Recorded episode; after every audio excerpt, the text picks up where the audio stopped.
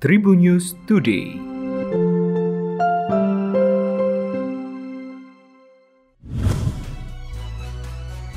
Halo Tribuners, berjumpa kembali bersama Memes. Memes akan berbagi informasi untuk kamu dimulai dari berita nasional. Presiden Joko Widodo melakukan belusukan ke sejumlah tempat di Solo, Jawa Tengah pada Kamis 26 Mei 2022. Beberapa tempat yang dikunjungi Jokowi adalah Taman Balai Kambang, Pasar Majosongo, Pasar Gede, Pasar Gading, dan Pasar Harjo Daksino.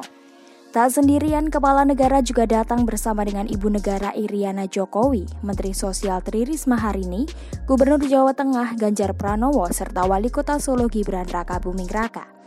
Saat belusukan, Jokowi tampak beberapa kali melepas masker saat bertemu dengan sejumlah warga.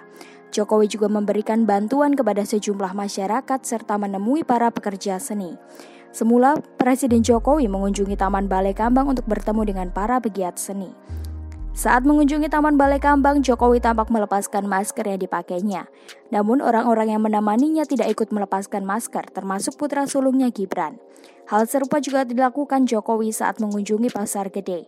Saat keluar dari mobil, Presiden Jokowi masih tampak memakai masker berwarna coklat. Namun saat hendak menghampiri warga yang menerima bantuan program Keluarga Harapan atau PKH, masker tersebut dilepas. Selanjutnya berita regional Tribuners. Kasus pelecehan sesama jenis terjadi di Kabupaten Banyuasin, Sumatera Selatan. Dilaporkan yang menjadi pelakunya adalah wanita muda bernama Istiqomah. Sementara korbannya gadis ABG sebut saja namanya Bunga. Untuk melancarkan aksinya, pelaku pura-pura menjadi seorang pria. Identitas Istiqomah akhirnya terbongkar saat di kantor polisi. Pelaku pertama kali melecehkan korban saat keduanya berada di sebuah pasar di Kabupaten Banyuasin.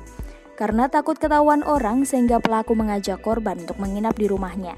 Pelaku kemudian melakukan pelecehan terhadap korban.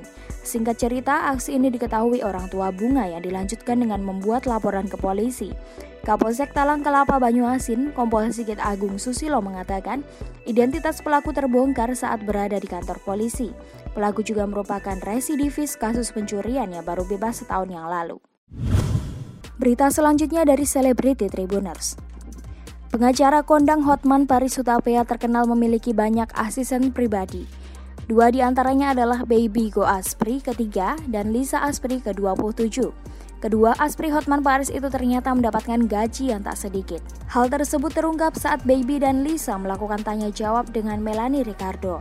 Secara belak-belakan Lisa mengungkapkan bahwa gaji yang diperolehnya di atas 15 juta per bulan. Tiga bulan bekerja sebagai aspri Hotman Paris dengan gaji belasan juta, Lisa mengaku sudah bisa membangun rumah di kampung halamannya. Menurut Lisa, orang tua bangga karena dirinya kini semakin sukses dan dikenal banyak orang. Senada dengan Lisa, Baby pun memperoleh gaji belasan juta berkat bekerja dengan Hotman Paris. Baby bahkan mengaku sudah bisa membuka usaha dan memenuhi kebutuhan pribadinya.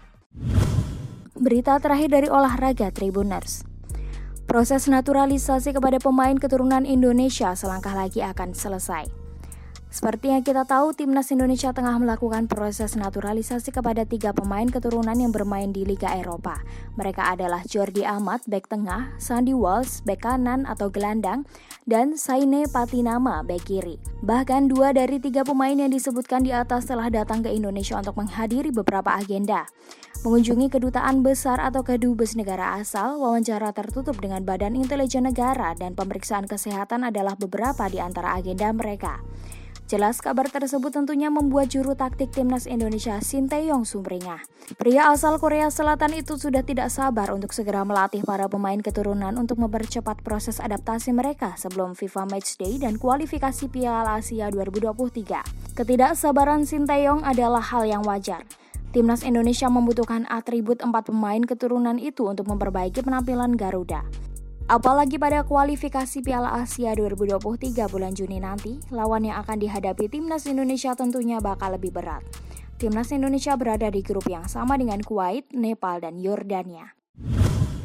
Demikian tadi empat informasi terkini yang menarik untuk kamu ketahui. Jangan lupa untuk terus mendengarkan Tribun News Today hanya di Tribun News Podcast Spotify dan YouTube channel tribunnews.com. Memes pamit, sampai jumpa. Tribun News Today.